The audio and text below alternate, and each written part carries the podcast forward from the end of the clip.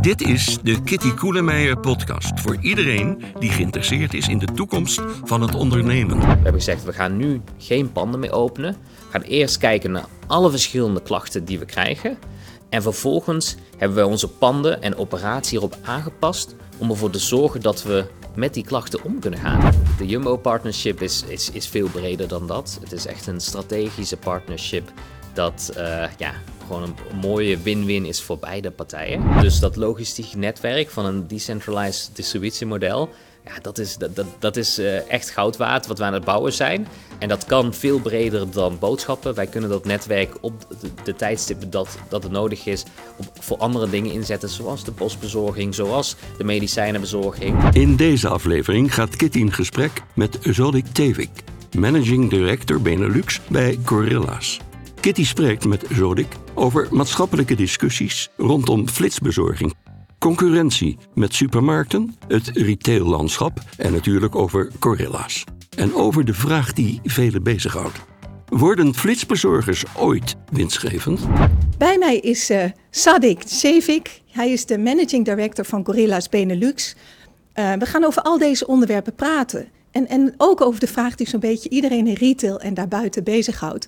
Kun je eigenlijk wel geld verdienen met flitsbezorging? Kan het ooit rendabel zijn? Kleine aantallen boodschappen, een heel dicht netwerk. We gaan het daarover hebben, maar dat straks. Nu eerst over andere zaken. Sadik, je hebt gewerkt in investment banking voor private equity. Je hebt gewerkt bij strategy consultants. En nu ben je sinds kort uh, bij Gorilla's. Gorilla's bestaat natuurlijk nog maar twee jaar. Hoe ben je daar terecht gekomen en wat heb je dan geleerd in je voorgaande banen waar je nu zoveel voordeel van hebt? Ja, zeker. Um, wel een leuk verhaal. Um, toen ik voor mijn vorige baan werkte, was ik bezig met het opbouwen van een start-up. Dus uh, ja, eigenlijk, uh, ondanks dat ik bij een corporate werkte of een scale-up, uh, bouwden wij binnen het bedrijf ook nog een start-up op. En terwijl ik bezig was met het bouwen van die start-up, was ik natuurlijk heel nieuwsgierig naar wat er nog meer speelt in de industrie en wat andere founders uh, aan het doen waren. En toen ben ik uh, eigenlijk via LinkedIn um, Kaan Sumer, de founder van Gorilla's, tegengekomen. Destijds zijn Series A, dus de eerste venture capital investeringsronde. En we hebben toen contact gehad over uh, ja, gorillas en over uh, dat ik een start-up aan het bouwen was en misschien contact op, uh, met elkaar te hebben. Was dat een soortgelijke start-up? nou, wij waren nog echt in, in de opbouwfase, maar ik was voornamelijk benieuwd van wat maken andere founders mee. Toen een eerste contact gelegd en ja, een aantal maanden later waren zij naar, aan het kijken naar de Nederlandse markt. En toen hebben we nogmaals contact gehad en uh, ja, was ik toch de juiste profiel om, om het te gaan bouwen in, uh, in, in, in de Nederlandse markt. Met het werk wat je nu doet, hè, wat, wat heb je nou geleerd? Wat komt je nou van pas? Ja, de private equity, dat klinkt uh, natuurlijk heel mysterieus, net als dark stores. Maar eigenlijk is het een, ja, een hele belangrijke onderdeel van ja, de financiële wereld. Iedereen investeert indirect via private equity. Of je nou een verzekering hebt of een pensioen. Uh, als je een van die dingen hebt, dan investeer je ook in private equity. Die beleggen eigenlijk het geld van, van iedereen. En wat ik heel interessant vind aan private equity is dat het um, ervoor zorgt dat, het dat bedrijven waarde creëren. En ze creëren waarde door drie verschillende aspecten. Ten eerste, uh, dat is het minst leuke en het vaakst in het nieuws verteld, door financiële leverage te creëren, dus veel geld lenen en, en, en waarde creëren. Maar de twee andere aspecten van private equity gaat over waardecreatie door uh, buy and build, dus meerdere bedrijven kopen en samenvoegen. En het derde is uh, door kostenbesparingen of waardecreaties te vinden in bedrijven. En omdat, je omdat ze zo constant bezig zijn met waardecreatie, leer je in je carrière met het werken met private equity ook constant of uh, hoe je binnen bedrijven ja, opportunities spot, maar ook aan de andere kant uh, ja, kostenbesparing kan regelen. En dat pas, je, pas ik nu ook dan constant toe binnen Gorillas. En heb je het ook het idee dat je een bedrijf heel snel doorziet, dat je heel snel doorhebt waar de waardecreatie zit, waar het beter kan, waar het efficiënter kan? Zeker, want ik heb in mijn tijd als strategieconsultant uh, voor investeerders, private equity investeerders, uh, due diligence rapporten gecreëerd. En dat houdt in echt in een periode van drie, vier weken aan de investeerder vertellen of het goed is om in deze industrie te werken. En dan moet je dus ook in hele korte tijd de risico's, maar ook de kansen van een sector en een bedrijf in kaart brengen. En ja, dat kan ik dus nu voor elke industrie in zo'n korte tijd doen. Ja, nou is Gorilla's in 2020 pas opgericht. Wanneer kwam jij daarbij? In welke tijd? Een paar maanden na oprichting of, of wat later? Ja, dus toen ik uh, in aanraking kwam met uh, Gorilla's uh, was het de Series A. En toen hadden ja. we 50 miljoen opgehaald. En dat betekent vaak dat je ongeveer vijf keer dat in waarde hebt, 250 miljoen. Ja, inmiddels hebben we dus recentelijk onze 3 miljard euro, tegen 3 miljard euro waardering... Um, onze ja, funding opgehaald. En ik denk ja, dat het ja, in korte tijd ook zeker eh, naar de volgende fundraising gaan. En hopelijk uh, richting ja. die 10 miljard uh, kunnen gaan. En hoe hard groei je dan? Hè? Want dat, dat is natuurlijk onvoorstelbaar. In Nederland, maar ook in de wereld, zit jullie groei zit natuurlijk vooral in het veroveren van nieuwe markten. Ja. Uh, jij bent natuurlijk bij de Benelux betrokken of ben je ook wereldwijd betrokken? Ja, ik, ik, ben natuurlijk als algemeen directeur Nederland ook betrokken bij hoe het natuurlijk in de rest van onze landen gaat. Maar mijn focus is op de Nederlandse markt. En ja, wat wij in Nederland meemaken is ongekend. Ik denk dat er geen enkele bedrijf ooit in Nederland in, met de snelheid is gegroeid waarin wij uh, als gorillas zijn gegroeid in de Nederlandse markt. Um, dus ja, we zijn ook qua headcount, om maar een idee te geven, zijn we op het hoofdkantoor van 0 tot 160 mensen nu inmiddels. En een totale employee base van meer dan 2000 mensen uh, voor gorilla, die voor gorillas werkt. Um, en ja, wat zo'n groei wel brengt, is natuurlijk. Um, vaak als je bij een start-up zit, dan wil je groei genereren. Dan wil je ervoor zorgen dat via marketing mensen jouw product gaan gebruiken. Ja, tractie heet dat toch? Ja, zeker. En in de eerste zes maanden van Gorillas hadden wij de groei niet aan handen. Het ging niet om wat wij aan marketing deden, maar wat de markt wilde. Dus het was een, een heel erg een marktgedreven groei. En die via word of mouth door heel Nederland heen raasde. En sinds wanneer zit Gorillas in Nederland? We zijn officieel december uh, 2020 uh, live gegaan. Dus uh, ja, eigenlijk al 13, 14 maanden. En waar loop je nou tegenaan bij die groei? Wat, wat maakt het nou? Wat zijn de hobbels die je moet overwinnen? Ja, met zo'n start-up bedrijf, ja. ja. dat is gewoon heel anders natuurlijk dan bij een corporate zitten. Ja, je bouwt van niks naar 2000 werknemers. Dus je moet nagaan, 2000 werknemers, hoeveel bedrijven in Nederland opereren met 2000 werknemers? Ja, dan heb je het al niet over eh, heel veel bedrijven. En wij moesten vanuit niks dat gaan opbouwen. En dat in een korte tijd als minder dan zes maanden. Geef eens wat voorbeelden wat je, van dingen die je overwonnen hebt. Uh, dingen, die problemen die je, die je onoverkomelijk leken, waarvan je achteraf zegt: hé, hey, ik heb dat toch goed aangepakt. Ja, dus uh, ik, ik, denk, uh, er zijn gewoon tientallen voorbeelden. Even kijken wat een goed voorbeeld is. Ja, ik denk dat we over heel veel ja, maatschappelijke stukken, zoals, zoals je ook al aangaf, uh, gaan hebben. Maar ik denk één voorbeeld is dat we toch um, in het begin vanuit uh, de gemeentes en vanuit de buurten um, klachten kregen over bepaalde aspecten van onze uh, ja, bedrijfsvoering. En wij hebben toen op een gegeven moment na een aantal maanden een stop gezet op onze expansiestrategie. We hebben gezegd, we gaan nu geen panden meer openen. We gaan eerst kijken naar alle verschillende klachten die we krijgen.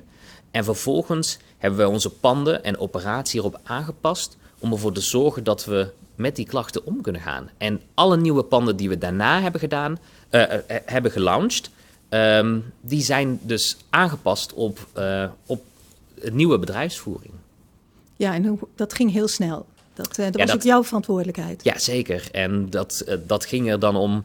Ja, in, in korte tijd moet je daar een beslissing over maken. Er is natuurlijk wel een, uh, een druk om, om, om, om zo snel mogelijk toch die, die nieuwe panden te gaan vinden. Dat er toch concurrentie in de markt kwam. Toch hebben we besloten van neem even een stap terug, want dit is heel belangrijk. Want anders ga je in de toekomst tegen problemen aanlopen. Dus we hebben bewust een stap teruggenomen en we hebben dus bijvoorbeeld veel grotere panden gedaan waar fietsen vanuit binnen kunnen, uh, kunnen starten of dat fietsers binnen kunnen zitten. En dat uh, geluidsoverlast verminderd kan worden. Dus heel veel uh, goede verbeteringen. Ja, we gaan het nog hebben over de markt, het concurrentieveld en ook de samenwerking met Jumbo. Maar eerst die maatschappelijke acceptatie. En je spreekt zelf ook over negatief sentiment. Nou ja, ik kan het wel allemaal opnoemen. Hè? Samenscholing op zaad, beloning van de bezorgers, logistieke overlast, geluidsoverlast. Hoe ga je daarmee om? Ga die punten eens één voor één af. Ja, dus uh, in mijn vorige voorbeeld Ja, toevallig heb ik, ja. eh, ben ik er al grotendeels op ingegaan. Ik denk dat het belangrijkste is, ehm, we zijn een nieuwe, nieuwe bedrijfsvoering, een, nieuwe, eh, een nieuwe sector die we aan het creëren zijn. En elke innovatie komt met eh, ja, nieuwe eh, manieren van naar bedrijven kijken. Dus ehm, hoe, hoe ga je als gemeente, als samenleving daarmee om? En wij als bedrijf, hoe zorgen we ervoor dat wij het beste passen in, in de gemeente? En Ja. Ehm, dus wat wij hebben gedaan is in, onmiddellijk kijken naar wat zijn de verschillende problemen en klachten die we hebben. En hoe kunnen we stap voor stap voor, door, eh, voor onze bestaande, maar ook voor onze toekomstige panden daarmee omgaan. En dus in eerste instantie hebben we gekeken, oké, wat kunnen we in de bestaande pa- panden doen? Dat is natuurlijk wat lastiger, want je hebt die panden eh, destijds eh, ja, gestart met nog niet wetend dat bepaalde klachten zouden komen. Maar daar ga je zo, zo goed mogelijk, mogelijk mee om. Ehm, en daarnaast zorg je ervoor dat de nieuwe panden daarmee eh, heel goed om kunnen gaan door het aan te passen en de operatie aan te passen. En nu zijn een aantal gemeentes niet zo niet zo'n fan van jullie hè, en van de andere flitsbezorgers.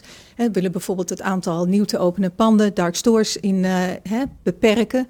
Eh, spreken over, over, over overlast voor mensen die wonen. Zeggen, of zeggen, ja, zo'n dark store mag helemaal niet in de winkelstraat of in eh, druk bewoonde gebieden meer.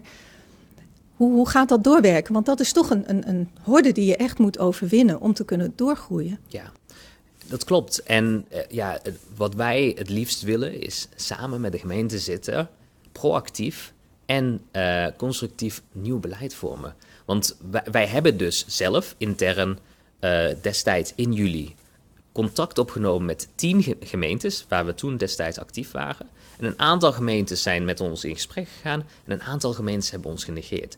En eh, we zien nou juist nu de, de hardste aanpak van de gemeentes die nooit de dialoog zijn aangaan. Die hebben het probleem genegeerd en nu eh, in korte tijd harde aanpak om, om het tegen te gaan. Terwijl we de afgelopen 9, 10 maanden een kans hadden gehad om Ja. hier een beleid over te vormen. Want wij hebben dus een stap teruggenomen, onze expansiestrategie aangepast. Maar we zien toch dat onze concurrenten zijn doorgegaan op de manier waarop zij zelf zouden willen. En omdat wij toch een goede aanpak wilden doen en eh, een plek vinden in de samenleving in- met de gemeentes en de buurt, ehm, was er niet echt een level playing field. Dus wij waren ten dupe van onze goede aanpak nu. Omdat Ja. we ook nu de blokkade hebben van nieuwe panden. Ondanks dat we het goed wilden doen. Maar dat hebben de andere flitsbezorgers toch ook? Dat klopt. Maar bijvoorbeeld, om een voorbeeld te geven in Rotterdam, daar kwamen eigenlijk de allereerste klachten binnen april eh, vorig jaar. Ehm, wij zijn sinds april in gesprek met de gemeente en we hebben sinds april geen enkel nieuw pand geopend. Terwijl destijds geen enkele concurrenten aanwezig zijn en er partijen zijn die nu meer dan vijf panden hebben. Ja. Dus wij hebben eh, bewust het gesprek eh, opgezocht. Wij zijn met elke pand die we wilden openen naar de gemeente gegaan voor goedkeuring. Vaak nee te horen gekregen. Terwijl eh, de rest van de industrie door is gegaan. En dat creëert dan niet een level playing field voor de industrie. En hoe ga je daar dan mee om in de toekomst? Hè? Want niet, niet praten is denk ik ook niet de weg vooruit. Nou, ik denk dat de- we hebben in andere innovaties gezien dat niet constructief het gesprek aangaan, dat werkt niet. Dus wij hebben daarom ook bewust gekozen om constant het gesprek op te zoeken. Het enige manier vooruit is als de gemeentes en wij samen aan tafel gaan zitten om te kijken wat is beleid dat past bij deze industrie en hoe kunnen we het werkbaar maken voor de samenleving en, en, en iedereen dezelfde regels geven. En gaat dat snel genoeg voor jullie? We zien toch dat het nu nog niet eh, snel genoeg gaat. Nee. Ehm, en hopen dat dit, eh, ja, dat we roepen ook op alle gemeentes om met onze dialoog aan te gaan en zo snel mogelijk naar oplossingen te komen. Maar als je nou een situatie krijgt waarin je concurrenten, hè, of je conculega's, hoe je het wil noemen, allerlei panden blijven open, op een gegeven moment ga je dat echt voelen. En, en zie je in, in zo'n zo'n markt waarin enorm geconcurreerd wordt, wat iedereen, eh, ja, waarin een enorme strijd om dat marktaandeel is, dat je gaat achterblijven. Dat klopt, maar wij hebben bewust destijds gekozen dat we liever minder snel gaan en wel een goede band opbouwen met de gemeentes en met de buurt, dan dat we razendsnel gaan, maar vervolgens in een half jaar, een jaar tijd tegen problemen aanlopen. nu spelen die problemen zich nog steeds. Maar dat was destijds een bewuste keuze, om toch voor andere type panden te gaan. Waardoor we wel minder panden kunnen vinden. Want als je restricties geeft op je panden, dan hou je nog maar misschien 10% van de mogelijke panden die er zijn over. Dus dan kun je ook 10% minder panden eventueel aanhuren. Dus dat heeft ons zeker geblokkeerd. Maar we denken nog steeds dat dit de juiste keuze was om, uh, ja, uh, om een goed nieuw businessmodel uh, neer te zetten. En nou zijn jullie gaan samenwerken met Jumbo. Lost dat het probleem op van je panden? Want je hebt dan natuurlijk winkelpanden waar ook wat magazijnruimte is. Hè, misschien kun je ook orde pikken. Ja, in de Jumbo's lijkt me lastig waar op dat moment klanten lopen. Welk probleem lost dat voor jullie op? de Jumbo-partnership is, is, is veel breder dan dat. Het is echt een strategische partnership dat uh, ja, gewoon een mooie win-win is voor beide partijen. Um, dus het zal zeker bijdragen aan uh, ook eventueel via co-locaties aan dat wij samenwerken in hun panden. Het zal zeker niet in de Jumbo-panden zelf zijn, maar een, een bijruimte waar we eventueel vanuit kunnen gaan werken. Want die dark stores, dat zijn eigenlijk gewoon winkels, hè? Bedoeld voor jullie fietsers, riders, zoals jullie die noemen, hè, die daar eigenlijk heel razendsnel winkelen. Hè, een, een, een, pakketje boodschappen maken en dan weer weggaan. Ja. Dus het zijn, het zijn eigenlijk winkels, toch? Ja, het zijn voor ons gewoon... Distributiecentrumpjes. Uh, ja, gedecentraliseerde warehouses in de stad. En wat daar gebeurt is dat um, we zetten zo'n warehouse neer in, in, in, in de stad. En daaromheen hebben wij een bezorggebied. Om even het Gorillas concept uit te leggen. Um, en dat is zo afgesteld dat je binnen vijf tot zes minuten uh, zo'n klant kan bereiken op een elektrische fiets. Dus als er een order binnenkomt, dan uh, gaan onze pickers uh, die order pikken. Dus je hebt specifiek mensen die alleen orders aan het pikken zijn. Ook de magazijnen die we hebben zijn erop ingericht om zo efficiënt mogelijk te pikken. Dus dat ziet er heel anders uit dan een traditionele supermarkt. orders kunnen daardoor voor toch 2000 SKU's of misschien zelfs 3000 SKU's in sommige warehouses binnen 1 tot 2 minuten gepikt worden. En dan wordt dat overgezet naar onze fietsers. En die kunnen dat dus in binnen 5 tot 6 minuten bij de klant brengen. Dus het werkt eigenlijk niet zo mysterieus als, als het uh, doet klinken. En is het sterk data-driven? Want je moet natuurlijk wel zorgen dat je, je voorraden in die, in die lokale distributiecentra goed uh, op orde zijn. Jazeker, dus uh, data. We zijn uiteindelijk een, een, een, technologiebedrijf. We zijn voornamelijk ja, digital only en echt een e-commerce bedrijf. En data is daar cruciaal in om ervoor te zorgen dat de juiste producten op de juiste plekken zijn. En die fietsers, hè, die riders, wat voor mensen zijn dat? Zijn dat? Dat zijn natuurlijk vooral jonge mensen. Zijn het veel bijbaantjes of zijn het ook echt mensen die dat bijna fulltime doen? Vertel er eens wat over. Hoe beloon je ze? Ja, ja, de, uh, de fiets, onze fietsers, uh, dat wij in ieder geval terugzien, is een hele interessante mix. Wat we zien is uh, dat er in ieder geval een hele grote groep studenten zijn. Dus die, die dit zien als een bijbaan, daar een baan. Um, vaak tussen de 18 en 25 jaar oud. Um, en daarnaast zien we ook heel veel creatievelingen die naast hun creatieve baan bij ons wat extra geld verdienen. Dus we zien ook binnen Gorillas in ieder geval heel veel artiesten die bijvoorbeeld kunst creëren. Maar dat zie je ook binnen onze warehouses, dat er hele mooie bijvoorbeeld gorilla kunst staat. En dat is echt heel mooi om te zien. Maar ook muzikanten, DJ's. En ja, nu we het er toch over hebben. We hebben bijvoorbeeld recentelijk ja, zelfs onze eigen muzieklabel gestart voor onze fietsers. Pedal Records. Dus daarmee kunnen onze fietsers hun eigen muziek ja, promoot, uh, wordt via onze label dan gepromoot. En ze kunnen ook hun eigen werktijden kiezen. Hoeveel uur ze willen werken, wanneer. Ja, ja het is heel flexibel. Dus uh, ja, ze kunnen zelf uh, aangeven welke momenten ze willen werken. En dan uh, zijn er bepaalde slots daarvoor beschikbaar. We, ze hebben al, allemaal die, bij ons een contract. Um, ze hebben een goed salaris. We hebben recentelijk ja, een nieuwe e-commerce CAO gestart met ja, een vergoeding van 12 euro. Ehm, per uur. Um, en uh, daarnaast uh, dat ze een pensioen hebben, verzekerd zijn, alles, uh, al het gear via ons geregeld. Dus dat staat heel erg af tegen wat, nu, wat voor Gorillas de fietsindustrie was. Dus de gig economy ja. fietsbaan. dus daar is Gorillas ook keihard tegen ingegaan. En dus wij denken ook dat wij het op die manier veel beter doen. En dat er nou juist een hele positieve wending is in die uh, fietsbranche. Doen die andere flitsbezorgers dat ook? Of is dat echt iets van Gorilla's? Uh, wij zijn het als eerste in Europa gestart en de rest is eigenlijk hetzelfde model gaan volgen. En over duurzaamheid, hè, er wordt natuurlijk vaak gesproken over, ja, moet, het, moet, moet je nou wel zo ver gaan dat je voor elke snack of vergeten boodschap iemand aan de deur laat komen hè, voor 1,80 euro? Hoe duurzaam is dat? Hebben jullie daar ook over nagedacht? Ja, zeker. Maar het is echt niet dat mensen voor één zak chips of voor één vergeten boodschap het alleen gebruiken.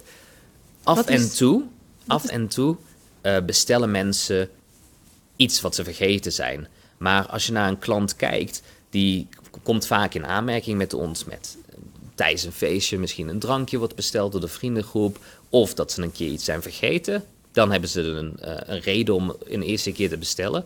Maar wat we vervolgens heel snel zien is dat het veel meer is dan dat vergeten boodschap. Wij, wij proberen echt een nieuw concept van uh, supermarkt uh, neer te zetten.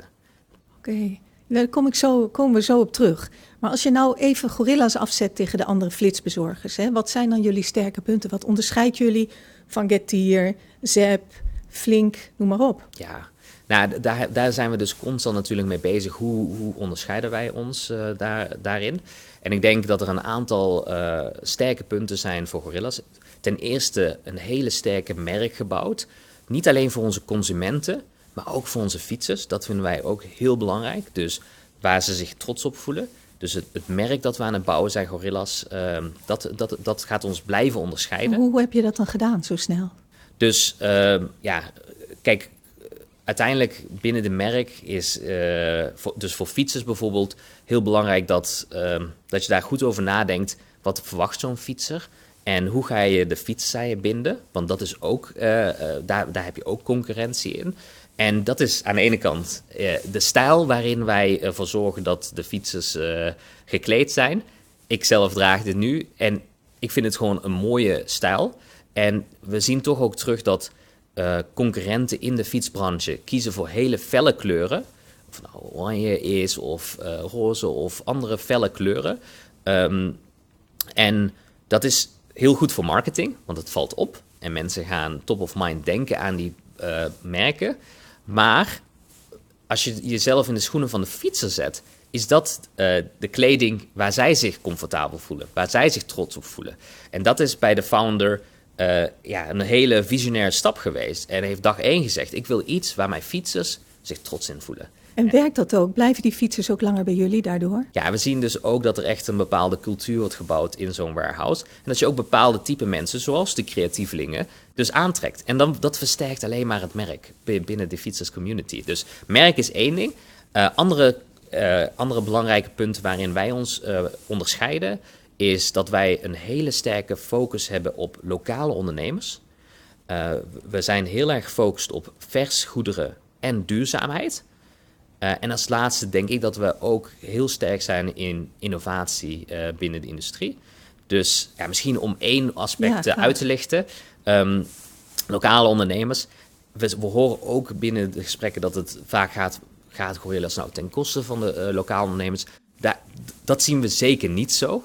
Uh, we werken nou juist heel graag samen met de lokale ondernemers. En om als voorbeeld te geven, Amsterdam. We werken samen met de lokale bakkerij, zoals Vlaams Broodhuis. Dus je bezorgt voor hen? Ja, we, we, we, we zorgen ervoor dat de brood wordt opgehaald in de ochtend in onze warehouses en vervolgens voor hun bezorgd. Dus je moet nagaan, zo'n bakkerij die vergroot ineens zijn bereik vanuit één of twee winkels naar de hele stad. Dus die lokale ondernemer heeft daar heel veel profijt van. En zo in elke uh, industrie binnen die stad kan ik je wat voorbeelden geven. Zoals bijvoorbeeld een duurzame koffiemerk Wakuli. In plaats van bijvoorbeeld alleen Starbucks en Nescafé aanbieden. Of uh, een hele mooie andere voorbeeld is local to local. Waarbij we direct vanuit de, boer in, uh, vanuit de, de boeren in de buurt kaas, melk en andere belangrijke producten ophalen. En dat via onze winkels verkopen. Welk deel van de omzet is dan local? Um, dat heb ik niet exact uh, top of mind, maar we hebben het echt over significante Significant. bedragen. Die... Dus niet alleen maar leuk om te zeggen. Nee, nee, nee. En we zien ook gewoon terug dat onze consumenten nou juist dat ook waarderen. En ja, het wat, wat fijn als ik mijn favoriete bakkerij ook nog eens naast mijn andere delicatessen en standaardboodschappen mee kan En dat is iets waarmee jullie je van de andere flitsbezorgers onderscheiden, zeg je? Ja, dat is onze sterke focus. Wij willen samen met die lokale ondernemers een community bouwen in elke stad. En nog meer punten waar je op onderscheidt. Hè? Je hebt natuurlijk het merk, het lokale, het samenwerking met supermarkt Jumbo. Ja, dus ja, Jumbo geeft natuurlijk ook weer aan dat we eh, toch iets onderscheidend hebben gedaan. Dat een partij als Jumbo, 100 jaar bestaand bedrijf in de supermarktenwereld, ervoor kiest om samen te werken met een bedrijf dat minder dan 12 maanden actief is. Dus uh, dat, dat geeft ook een signaal uh, van de kracht van Gorillas. En hoe kijk je aan naar de concurrentie met de supermarkten? Want je hebt natuurlijk aan de ene kant Albert Heijn, Jumbo, de discounters waar mensen toch voor grotere hoeveelheden boodschappen naartoe gaan. Je hebt ook Picnic, die natuurlijk pure online player is. Maar je hebt ook nieuwe partijen zoals het Chinese Osama, hè, van Tencent uiteindelijk, JD.com. Um, en je hebt ook uh, een partij als CRISP, die natuurlijk ook heel erg lokaal hè, sourcen. En, en zo zijn er nog meer. En hoe, hoe zitten jullie nou in dat veld? Zeg je nou van die flitsbezorgers, dat is Hè, wat je zou denken is dat is kleine aantallen snel bezorgd. Dus die zitten dan aan het uiteinde van het spectrum. Maar ik hoor jou toch ook wat anders zeggen. Hoe kun je dat beschrijven, hoe je in dat concurrentieveld zit? Ja, zeker. Ik denk dat ja, het belangrijkste is om uh, vanuit een consument te kijken naar wat, wat, onderscheidt ieder concept van zich. En vanuit een consument zijn er een aantal punten die je ook al noemde. Dus er is belangrijk is prijs, assortiment snelheid of uh, flexibiliteit van uh, bezorging, dat, dat ik het kan hebben. En minimale bestelwaarde bijvoorbeeld. Dat, dat, dat ja. zijn in ieder geval vier... Ja, de bestelkosten ook, hè? Die, dat is ja, een belangrijke bestel, bestelkosten eventueel er ook nog bij. Um, en als je naar die vijf factoren kijkt, dan kun je traditioneel first generation online... en laten we zeggen second generation gorillas online met elkaar vergelijken. En ik denk dat wij hele sterke punten hebben vanuit de consumentenperspectief, waardoor wij ons sterk onderscheiden van traditioneel uh, supermarktenwereld en de first generation online supermarktwereld. En ja, we wat, kunnen wat, zijn, wat is dat, first generation ja, online? Ja, dus de, de Picnic of de ja, ja. Okoma uh, bedrijven. Ja. Um, want hoe wij ons daarvan onderscheiden is dat we um, toch de consument een, uh, vanuit de consumentperspectief echt de behoefte vervullen. Dus even één stap terug. We hebben gezien dat vanuit een online uh, e-commerce penet penetratie supermarktenwereld gigantisch is achtergebleven. En dat heeft een reden. Dat heeft voornamelijk als reden aan de ene kant fysiek retail uh, heeft geen uh, benefit bij uh, online, want dat cannibaliseert hun eigen. Het is fysieke... nogal een statement, hè? want zelfs, zelf zullen ze dat natuurlijk niet zeggen. Dat woord cannibaliseren is eigenlijk uit een boze. Ja, maar ja, dat, Wij zeggen wij zijn omnichannel. Zeker, maar uiteindelijk, als je vanuit een puur bedrijfseconomisch voering kijkt, heeft het geen nut om maar ook één van je boodschappen naar online te brengen, want je hebt dat fysieke netwerk al. Ja, je marge is veel lager, de kosten zijn hoger. Dus, dus het liefst, als het aan, uh, aan een, een fysieke eh, bedrijf, bedrijf, zou liggen, puur vanuit een economisch uh, perspectief, is het gewoon handiger om het puur, uh, puur offline te maar houden. Dat, dat is geen optie voor ze. Zij kunnen natuurlijk niet terug. Nee, maar omdat vanuit concurrentie en vanuit de consumentenbehoeften komt er een verandering in die markt. Maar toch hebben we gezien, dus destijds één, vanuit de fysieke, dat er minder behoefte aan is om, om te groeien. En ten tweede, de online uh, uh, consumentenervaring was gewoon nog niet goed genoeg om e-commerce penetratie te genereren. Waarom zien we in kleding en in technologie dat we al 50% online kopen, maar in voeding niet? 50 is veel, hè? Volgens mij is het minder. Ja, maar in bepaalde sectoren ja, dat misschien. het echt wel de, dat 40, 50 nou, procent. tientallen procenten. Ja, ja, tientallen procenten. Maar daar zullen bijvoorbeeld in technologie en ja, in de Coolblue bijvoorbeeld, dat je, dat je echt wel uh, richting die 50 procent gaat. Terwijl de, de e-commerce van supermarktenwereld echt nog steeds rond die 1, 2 procent zat. En dat heeft voornamelijk te maken met het feit dat die ervaring nog niet goed genoeg was. En wat wij proberen op te lossen is, hoe kunnen we dat online aspect uh, net zo goed of beter maken dan het offline aspect. Maar waar, waar, was die ervaring dan niet goed? Want er werd natuurlijk gezegd, mensen vinden het leuk naar de supermarkt te gaan, sociaal contact, uh, geen bestelkosten. Ja, dus als, zoals ik het vanuit een consumentenervaring, uh, als het om vo voedsel gaat, dan is dat toch een behoefte dat je ja, op korte termijn wil plannen. En als je toch iets online bestelt, dan moet je twee, drie dagen vooruit iets plannen. Uh, en dat, dat is en misschien wil je het zelf uitzoeken, omdat je dat gewend bent. Dat, dat zou ook een, bijvoorbeeld een reden kunnen zijn. Maar um, dus dat vooruit kijken en daar tijd voor vrijmaken, misschien wel een half dagdeel of een hele dagdeel, dat, dat was voor veel consumenten een stap te ver. Dat is dat je zegt, die ervaring is niet goed genoeg. Dat, was, dat. dat. Dat, was een deel van uh, dat het niet goed genoeg was. Maar ook uh, in online moest je 50 euro uh, minimum bestelwaarde hebben. En bij bepaalde partijen 10 euro aan bezorgkosten.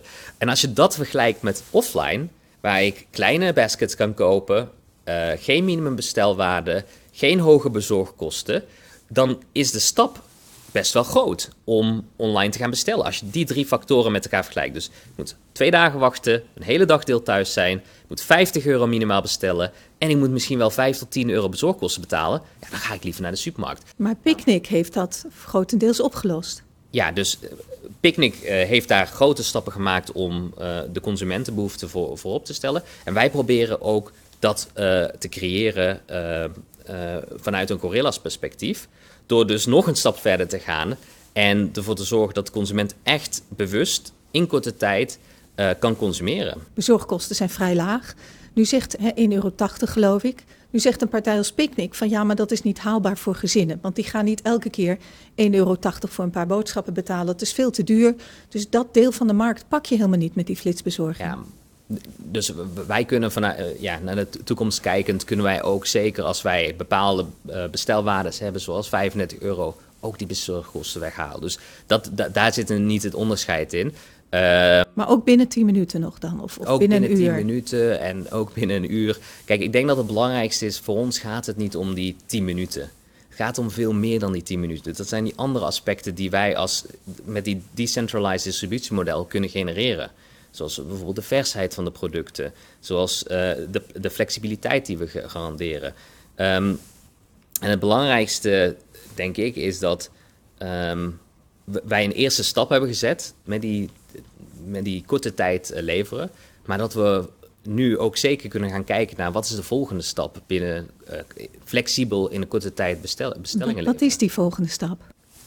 Dus uh, ja, kijk, we bezorgen nu voornamelijk binnen een hele korte tijd. Maar er zal ook zeker in een hele korte tijd een innovatie plaatsvinden. Waarbij we ook de klant zelf de keuze toelaten van wil je het binnen een hele korte tijd? Wil je het binnen de komende uur? Wil je het om drie uur in de middag?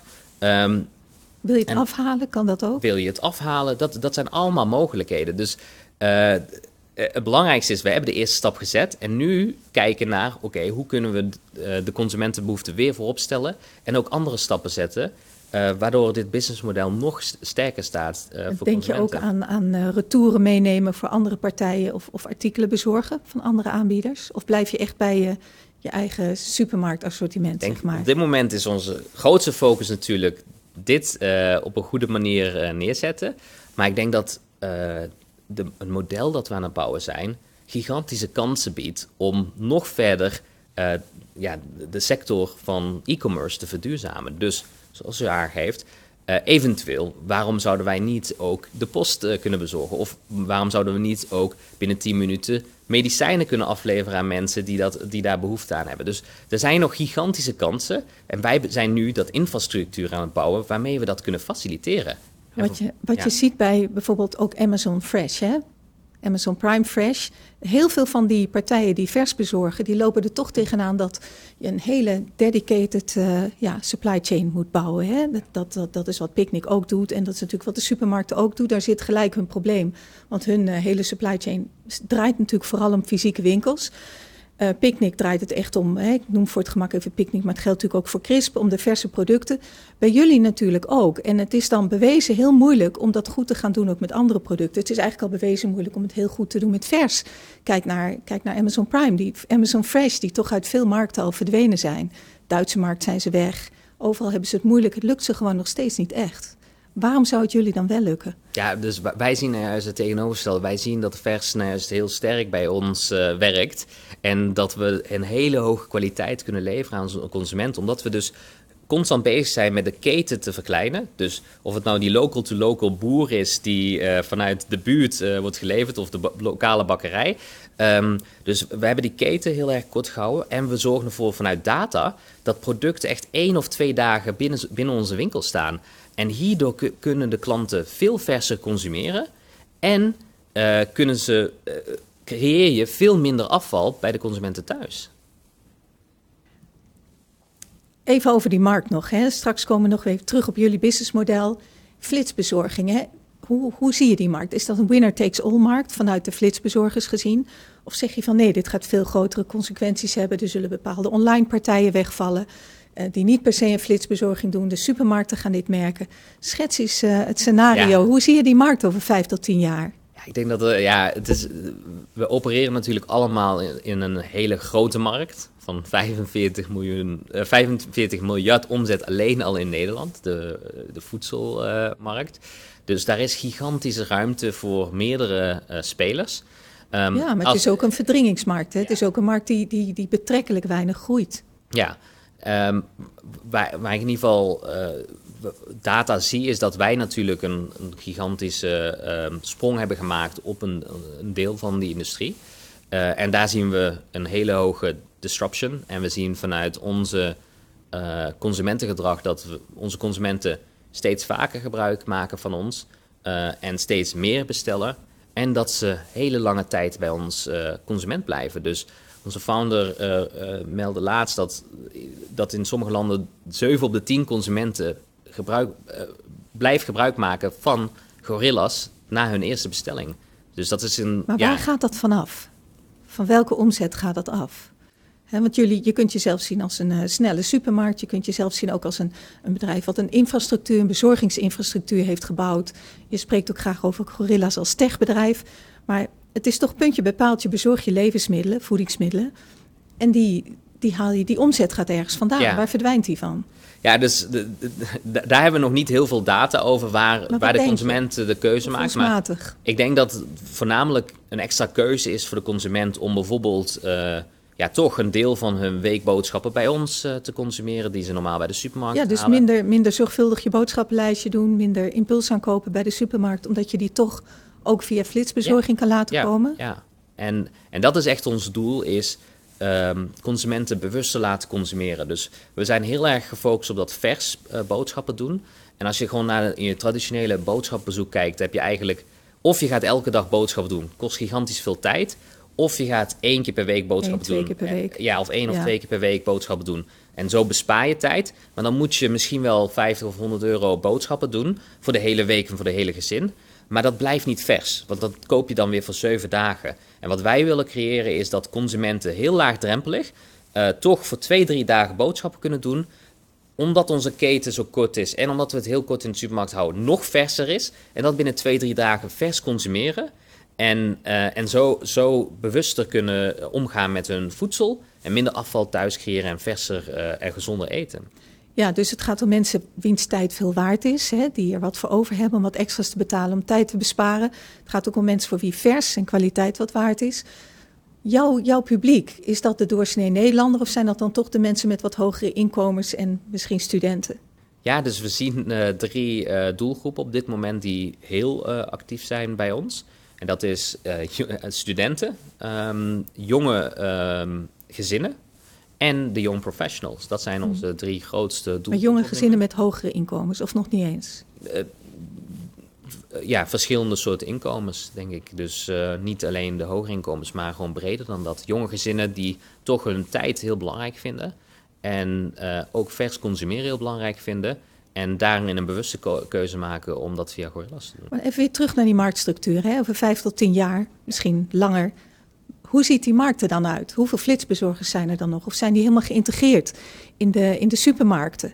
Uh, een partij als Picnic, is die dan stuk in de middel? Of, of heeft, doet hij het juist heel goed? Ja, ik denk, dat er, ik denk echt dat in ieder geval de verschillende soorten commerce uh, toch hun eigen waarde heeft. En ieder, uh, dus de traditionele supermarkt, de e-commerce en de second generation e-commerce, zoals we maar noemen, ja. dat die toch allemaal een bepaalde behoefte voorzien en naast elkaar kunnen bestaan. Als we specifiek op onze industrie, ik denk dat er zeker wel ruimte is voor uh, in ieder geval één of twee spelers in zo'n zo'n gebied. Maar dat er ook gewoon voordelen zijn vanuit consolidatie, omdat je gewoon toch een sterkere netwerk kan bouwen en het ja, niet heel veel waarde heeft om vier, vijf van die netwerken te Ja, waar zit het voordeel dan in die, in die Europese aanwezigheid, hè? of misschien zelfs wereldwijde aanwezigheid? Want je bent heel lokaal. Je sourced ook voor een belangrijk deel lokaal. Je hebt lokale panden, hè, zoals je dat zelf zegt. Je hebt lokale wetgeving, regelgeving. Waar zit je voordeel? Ja, waar wij onze meeste waarde. Kijk, wij, wij, wij opereren de Nederlandse business vanuit Nederland. Maar waar we natuurlijk het meeste waarde uit halen en ook zullen blijven halen, is de technologie. Dus daar gaat gewoon een hele sterke technologie aan de consumentenzijde zijn, maar ook in de supply chain of in die uh, gedecentraliseerde warehouse. Uh, uh, dus daar zit, daar zit gigantische waarde in efficiëntie, waarmee we natuurlijk dit businessmodel werkend zullen gaan maken. Ja, waarom denk je dat Gorilla's bij een van die overgebleven één of twee is? Wat geeft dus, jou dat vertrouwen? Ja, we, we, hebben gewoon constant bewezen, één, door in Europa dit te introduceren, uh, hebben we daar een first mover in de meeste advantage gecreëerd in de meeste markten. Uh, vervolgens daar goed mee omgegaan, een hele sterke merk gebouwd aan de consumenten en aan de fietserszijde. En ik denk dat het derde belangrijkste is, uh, toch samen met die lokale onder, uh, ondernemers aan de slag gaan en, en, en, en een, een ecosysteem binnen iedere stad te, te bouwen. En als laatste toch constant blijven innoveren. En wij toch steeds de nieuwe concepten blijven introduceren binnen onze industrie. En wat is je eerstvolgende nieuwe concept? Ja, ik denk, uh, er komt nog heel veel aan. Uh, zeker vanuit de technologiezijde dat er nog ja, prachtige innovatie aankomt om, om dit businessmodel nog efficiënter en nog beter te maken. Ja, en nu, nu heb je het over het businessmodel, hè? maar de vraag die natuurlijk iedereen zich stelt is, ga je ooit winst maken? Want je kunt natuurlijk heel makkelijk zien dat dit een heel inefficiënt gebeuren is. Hè? Je hebt veel lokale, lokale distributiecentra, fijnmazig. Uh, je, je, het gaat om kleine, kleine aantallen die je bezorgt. Je rekent nauwelijks meer dan de supermarkt. Je hebt een kleine bijdrage in de bezorgkosten. Handmatig gepikt worden. Het is natuurlijk zeer inefficiënt. En je kunt je, het kan nu op dit moment niet winstgevend zijn. En dat is het volgens mij ook niet. Hoe ga je dit ooit winstgevend krijgen? Of gaat het daar helemaal niet om? Nou, ik, ik denk dat de operatie zeker uh, gewoon naar winstgevend, winstgevendheid uh, kan gaan. Um, maar hoe en, dan? Hoe dan? Nou, juist dat warehouse-netwerk is zo op ingericht om heel, heel veel efficiënter te, te, te, zijn. Dus je hebt eigenlijk, je kunt het of heel gecentraliseerd distribu eh, distribution doen vanuit één hub en heel veel busjes gaan met doen. Met grote, uh, grote, bo grote boodschappenmandjes? Met bijvoorbeeld grote boodschappenmandjes, maar eh, de boodschappen de, de stad insturen. Maar die last mile is het duurst. En wat wij proberen te creëren is dat uh, door die hubs te creëren, dat we de last mile nou juist veel efficiënter doen. Veel uh, goedkoper dan een traditionele bezorg uh, vanuit een grotere hub. En dat we juist ook in die warehouses door het op, oprichten van hoe, hoe we het oprichten, een efficiëntieslag kunnen creëren. En dat ook heel efficiënt kunnen doen. Maar die, die supermarkten verdienen natuurlijk ook niet of nauwelijks geld. Hè? Die, die, die zijn groot qua omvang. Hè? De, de twee grote supermarkten, Jumbo Albert Heijn, verkopen echt wel uh, heel veel online inmiddels. Uh, ja, het is dan zeg maar break-even. Het is maar net hoe je rekent ook. Hè? Reken je de vaste kosten wel of niet mee. Maar ook voor hen met die schaal is het, is het uh, niet of nauwelijks winstgevend. Jij zegt, ik ben wat efficiënter dan, dan die partij, omdat ik met lokale hubs werk, geen auto's heb, maar fietsers. Maar daar staat tegenover dat je ook weer veel meer loonkosten hebt. Leg me nou eens uit hoe, ja, dat, ja. hoe dat zit. Ja, maar ik denk misschien dat we niet bijvoorbeeld naar die fietsers uh, of uh, naar de supermarktmodel, maar bijvoorbeeld naar de, de maaltijdbezorgmodel. En als je dat gewoon puur met elkaar vergelijkt, hebben wij dus van, ten opzichte van bijvoorbeeld maaltijdbezorgen het, hetzelfde model in terms of uh, bestellingen uh, leveren. Dat je toch over grotere baskets hebt dan maaltijdbezorgen. Dat je je eigen kwaliteit... Groter dan maaltijdbezorgers, jullie, jullie mandjes. Ja, ja, ja. zeker. Ik denk dat, en, en daar zit nog uh, potentie als je kijkt naar hoe online gaat. En dat zij het ook op de een of andere manier uh, operationeel weten rondrekenen. Uh, en ik denk dat da daar ook gewoon genoeg kansen worden gezien omdat... Uh... Maar zij hebben geen distributiecentra, zij rekenen een provisie aan de partij hè, waar, waarvoor ze bezorgen. Dus het is een kwestie van je gaat naar, de, naar het restaurant hè, of, de, of de, de dark kitchen. Je haalt het op en je bezorgt het. Dus daar, daar mis je, je mist die hele infrastructuur die jullie ja, wel dat, bouwen. Dat klopt. En, maar daar verdienen we natuurlijk wel, net als een supermarkt, uh, een bepaalde marge op onze producten. Dus wij kopen de producten zelf in, zoals, dat, zoals ook een supermarkt doet. Uh, en het onderscheid ten opzichte van een supermarkt vanuit die vertical integration is dat wij het model van scratch hebben kunnen bouwen op basis van wat wij wilden creëren voor de consumentenervaring. En supermarkten al 75 jaar een bepaalde fysieke netwerk hebben waar ze niet meer omheen kunnen.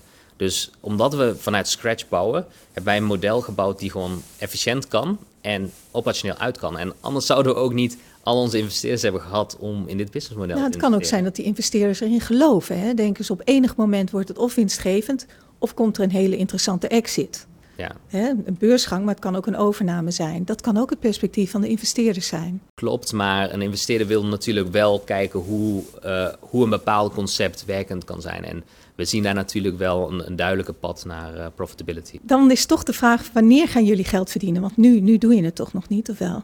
Nee, kijk, uh, Hoeveel jaar duurt ja, het nou? u heeft natuurlijk ook een grote uh, achtergrond in retail. Als je een nieuwe winkel opent, of het nou een nieuwe HEMA is, of een nieuwe blokker of een ander retailconcept, dat duurt uh, toch 12 tot 18 maanden voordat een winkel vanuit Ja. scratch Ja. naar break-even gaat. En wij Ja. zijn nog niet eens 12 maanden oud in Nederland. Dus ja, het is logisch dat, dat wij nog geen winst maken, omdat je een bepaalde volume moet gaan opbouwen. Wij zien zeker wel een duidelijke eh, pad naar eh, break-even eh, binnen, binnen zo'n periode op een pandniveau. En uiteindelijk gaat het de vraag zijn, hoe gaan we dan verder uitbreiden en afhankelijk van hoe ver we uit gaan breiden, wanneer we dan die, eh, die break-even of profitability gaan genereren. Ja, en als je nou kijkt hoe die markt zich ontwikkelt, hè, we hebben het al even gehad over winner takes all, maar zie je een endgame? Denk je bijvoorbeeld dat je toch geïntegreerd gaat worden in de grote supermarkt als flitsbezorger? Of denk je dat eh, dat worden de nieuwe logistieke dienstverleners? Of dat zijn de koningen van de data? Zie je Ja. welke business Ja, zie je daar het, ontstaan? eh, en, eh, ik denk, we zijn zeker niet aan het kijken naar integratie met traditionele spelers op dit moment. Maar ik denk eh, de logistieke netwerk en infrastructuur dat we aan het bouwen zijn en de data die we aan het vergaren zijn eh, om de consumentenbehoeften te vervullen, dat daar een, een bepaalde waarde ook zeker in zal gaan zitten. ja, en ook verrijken van data voor derden bijvoorbeeld. Nou, op dit moment delen wij geen data met eh derden. eh, en is het voornamelijk om de consumentenbehoeften beter te vervullen. Maar als je zou mogen kiezen zelf, stel je bent helemaal in charge, welke richting ga je dan op met gorilla's? Ja, ik denk zelf dat dus dat logistiek netwerk van een decentralized distributiemodel, ja, dat is, dat, dat, dat is eh, echt goud waard wat we aan het bouwen zijn. En dat kan veel breder dan boodschappen. Wij kunnen dat netwerk op de, de tijdstippen dat, dat het nodig is op, voor andere dingen inzetten, zoals de postbezorging, zoals de medicijnenbezorging. En dat is, dat, daar zit heel veel waarde in voor ook de samenleving. Eh, en, en daar wil ik heel hard aan gaan werken. Ja, vanuit data kunnen we daar nog meer efficiëntie in gener- genereren. En als je nou, als je nou even een, stap terugzet en je kijkt naar het retaillandschap in het algemeen, hè, want je bent natuurlijk heel sterk met food bezig, levensmiddelen en eh, ja, flitsbezorging. Maar stel dat je nou, nou een stap terugkijkt en jij mag iets zeggen over het Nederlandse of Europese retaillandschap. Daar heb je vast ook een visie op. Ja, nee, ik, denk dat wij Vanuit dus... je private equity achtergrond misschien. Ja, wel. ik denk dat we dus eh, hebben gezien dat in verschillende sectoren dus een, een grote stap is gemaakt in eh, e-commerce penetration. Ik heb toevallig zelf gekozen voor de twee industrieën waar dat nog niet was. Dus voor Gorillas werkte ik bij de online pharmacy. Daar wilden we echt een stap maken in één van, eh, van reactief naar preventief eh, healthcare. En ook die offline erva- ervaring naar online brengen. En ik denk dat dat eh, de volgende stappen is. Hoe kunnen we de online ervaring nog beter maken? En hoe kunnen we eigenlijk eh, voor de consument de online ervaring gelijkstellen aan de offline ervaring? En dat, dat het misschien zelfs beter is. En zo zie, zie ik een grote stap in, in traditioneel e-commerce. En ik denk dat de netwerken die wij aan het bou- bouwen zijn, dat dat nog een eh, versnelling is voor bepaalde sectoren om, om, om nog ja, ho- hogere adoptie te hebben van e-commerce. Maar als je kijkt naar het retaillandschap, hè, er wordt, wordt steeds vaker ook gesproken over omnicommerce. Hè, dat je overal kunt bestellen, je kunt je producten overal laten afleveren. In je auto, op je kantoor. Hè, hoe, hoe staat Gorilla's daarin? Of hoe kijk je daarnaar? Denk je dat het mogelijk wordt? Eh, zelfrijdende auto's misschien wel. Ja, ja, ja. Bezorging, wat futuristisch allemaal. Vaak mooiere verhalen dan het is. Maar wat komt er nog? Ja, ik denk, nu, eh, nu heb je natuurlijk wel een van die concepten genoemd. Maar ik denk dat wij, wij een bepaald netwerk aan het bouwen zijn. En, en dat is een eerste stap naar innovatie. En Uh, dat is met Uber geweest op het gebied van taxis. En nu is er misschien wel een kans om dat netwerk te gebruiken voor zelfrijdende auto's. En bij ons, wij hebben nu het netwerk en nu gaat het oké, hoe ga je bepaalde dingen automatiseren? Hoe ga je misschien de bezorging via drones doen of via zelfrijdende robots? Dus wij zetten de eerste stappen. En als er bepaalde andere technologische ontwikkelingen komen die we in ons concept kunnen neerzetten, dan kunnen we vanuit ons foundation naar de next level of innovation bouwen. Maar onze eerste stap is nodig uh, om die nieuwe technologie te gebruiken. Want als, als wij die stap niet zetten, ja, dan heb je niks eventueel aan drones. Dus uh, ja, dus het is belangrijk dat Gorillas de eerste stap zet, de innovatie creëert om binnen zo'n korte tijd uh, te leveren. En nu kunnen we nieuwe technologie in de komende jaren toevoegen om het nog efficiënter te, te, maken. Blijf je wel in de grote steden, in de stedelijke gebieden, of wil je echt een landelijke dekking op een gegeven moment? Wij willen zeker wel ook uh, de rest van Nederland een kans geven om Wat is daarvoor nodig? We, het is een kwestie van ehm, ook tijd om, om de juiste panden te vinden en expansie te, uh, te, te, doen naar die nieuwe steden. We zijn natuurlijk nu dus aan het optimaliseren om het businessmodel te optimaliseren, maar ook dus met de gemeentes en onze bedrijfsvoering te optimaliseren. En naarmate we dat uh, gewoon steeds beter aan het doen zijn, kunnen we steeds verder Nederland ingaan. Je zegt steeds businessmodel optimaliseren, maar wat bedoel je daar concreet mee? Wat moet er geoptimaliseerd worden? Wat is nog niet optimaal in je businessmodel? Wij zijn natuurlijk gewoon een scale-up en we zijn gewoon ja. constant aan het kijken hoe kunnen dingen in de bedrijfsvoering efficiënter. Noem eens, noem eens zo'n ding. Ja, dus uh, bijvoorbeeld de technologie achter hoe bezorgingen worden gedaan, zoals we het hebben aangegeven van uh, hoe kunnen we het nog efficiënter indelen en uh, bijvoorbeeld een, een, infrastructuur creëren waarbij mensen binnen een aantal minuten kunnen uh, bestellen of misschien in een langere tijd kunnen bestellen of bepaalde tijdslots. Dus we zijn constant aan het kijken, oké, okay, hoe kunnen we die, dingen nog beter uh, creëren en, en vervolgens dat gaan schalen over heel Europa. Waar zit je grootste inefficiëntie op dit moment? ja, er zijn natuurlijk gewoon nog, ja, ja overal kansen. Dus ja. we, we zijn we zijn gewoon een, een scale-up bedrijf. We zijn constant aan het optimaliseren van onze bedrijfsprocessen. Ja, misschien iets waarvan je denkt, als ik dat nou oplos, als ik dat nou voor elkaar heb, dan, dan kan ik verder. Veel sneller en beter dan, dan nu. Nee. Wat is, je, wat, is je, wat is je hobbel op dit moment? Waar op je dit moment, kijkt? een van onze grootste hobbels is toch de expansie naar nieuwe panden. Ja, dat is dus de politiek ook. Ja, en, en, en ook de juiste panden toch weten te vinden. Dat is een grote bottleneck. Um, omdat we dus op een goede manier verder willen gaan. Maar die panden zijn er niet overal en waar in moet zo'n pand dan voldoen? Voordat het goed genoeg is voor jullie? Voor ons is het belangrijkste dus één... dat het zo min mogelijk last heeft van de buurt waarin de pand staat. Uh, maar dat toch, de buurt geen last heeft of de pand geen last heeft? Ja, de, de buurt geen last heeft van de, de, waar wij in, uh, met de pand staan. Uh, maar toch aan de, op hetzelfde moment snel bereikt naar de gebieden waar we moeten zijn... Uh, daar moet een pand dus ook daarnaast groot genoeg voor zijn om die fietsen binnen te hebben, de fietsers binnen te hebben. Dus ja, er zijn er best wel wat eisen waar het aan moet voldoen. En, en dat maakt de, de, de, expansie toch wat lastiger dan, uh, dan als, als we niet daar, daarna zouden kijken en, en elke pand zouden accepteren. Heb je te maken met hoge huurprijzen in de steden? Is dat ook een probleem? Nee, dat niet. Want zeker uh, nu in deze tijd is er toch wat meer leegstaand pand. En uh, hierdoor uh, ja, zien we niet per se dat daar een, een extreme druk is. Nee, dus de politiek, de panden zijn lastig. Nog iets van je interne organisatie dat je zegt, een, een, die enorm snelle groei, dat zorgt ervoor dat ik iets moet overwinnen nog? Ja, dit is ja. Uh, met een scale concreets, ja, iets ja, iets concreets. Is, ja, dit, er, is, ja, er zijn zoveel tientallen voorbeelden. Nou, noem de top drie. Um, dus uh, ja, ik denk dat waar we ons nu in ieder geval heel erg op moeten gaan focussen, ook de technologische kant schalen. En ervoor zorgen dat dat ons verder helpt in de bedrijfsvoering. Maar die developers, zitten die bij jou? Of, of Ze zijn zitten die... deels in Berlijn en deels in Amsterdam. Ja. Dus, uh, en daar moeten we nu grote stappen maken om als techbedrijf uh, ja, efficiëntieslag te creëren in deze industrie. Ja, en dat, dat gaat dus vooral over de roostering, de allocatie. En ja, dat, alle kan aspecten, ik me wat ja, voorstellen. Echt, de, de, echt alle delen vanuit supply chain, warehouse management, fietsen, consumentenzijde van de, van de app. Dus ja. uh, er zijn. Uh, en top 2 en de nummers 2 en 3? Um, ja, ik denk dat een belangrijk andere concept is toch dat we verder moeten in ons um, schalen van, de, van ons bedrijf. Dus aan de ene kant heb je het over uh, het aannemen van de juiste mensen op een kantoorniveau. Dus dat, dat is toch talent binnenbrengen en de juiste mensen aannemen om dit verder te schalen. Dat is gewoon cruciaal. Is dat moeilijk voor jullie?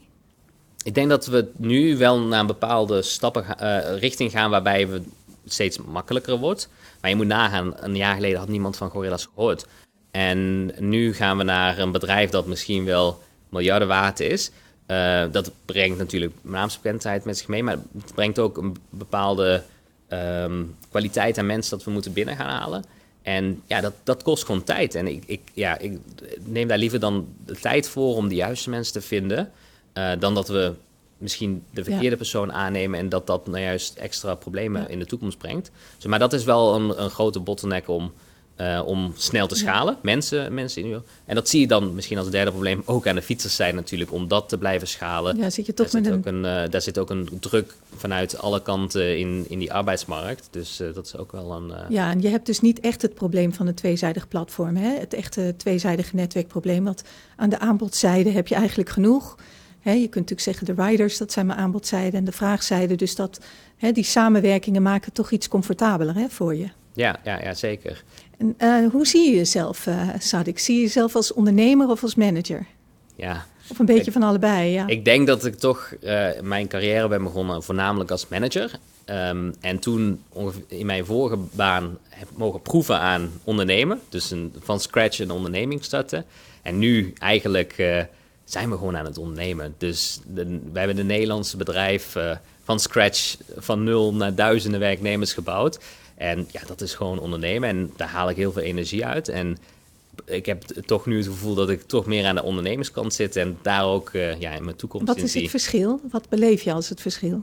Ja, je bent er toch... Uh, 24-7 mee bezig als ondernemer. Dus uh, het houdt nooit op. Als, je, als dit je eigen bedrijf is, die je aan het runnen bent, als algemeen directeur van een Nederlandse tak in ieder geval, ja, dan, dan houdt dat niet op.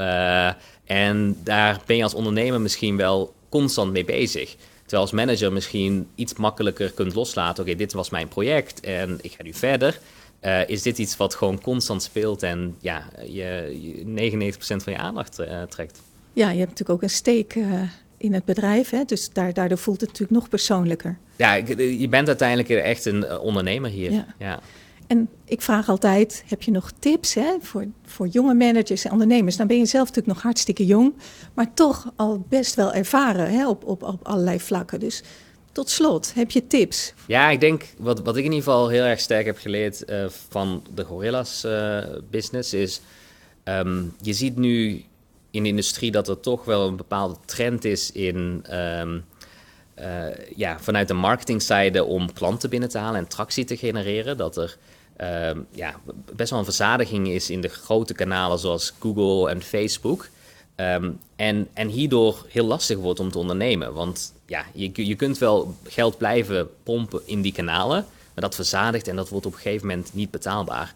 En wat we met Gorillas constant hebben bewezen is probeer nou dat edge te vinden, waardoor de consument zelf zo enthousiast is over jouw bedrijf, dat ze het voor jou gaan verspreiden. En in plaats van het geld in dat marketing te steken, steken nog meer in dat edge, steken nog meer in dat product. Uh, te uh, dat product en nog beter producten creëren, waardoor veel minder geld misschien in dat marketing kwijtgaat. En dat hebben we met Gorillas heel goed gedaan met dat 10 minuten. Dat heeft ja, natuurlijk dat gaf die awareness via de media eigenlijk. Hè? Dat gaf die via media, maar ook via consumenten zelf. Gigantische NPS uh, in eerste instantie van 90 plus. Dat is ongekend, zover ik weet.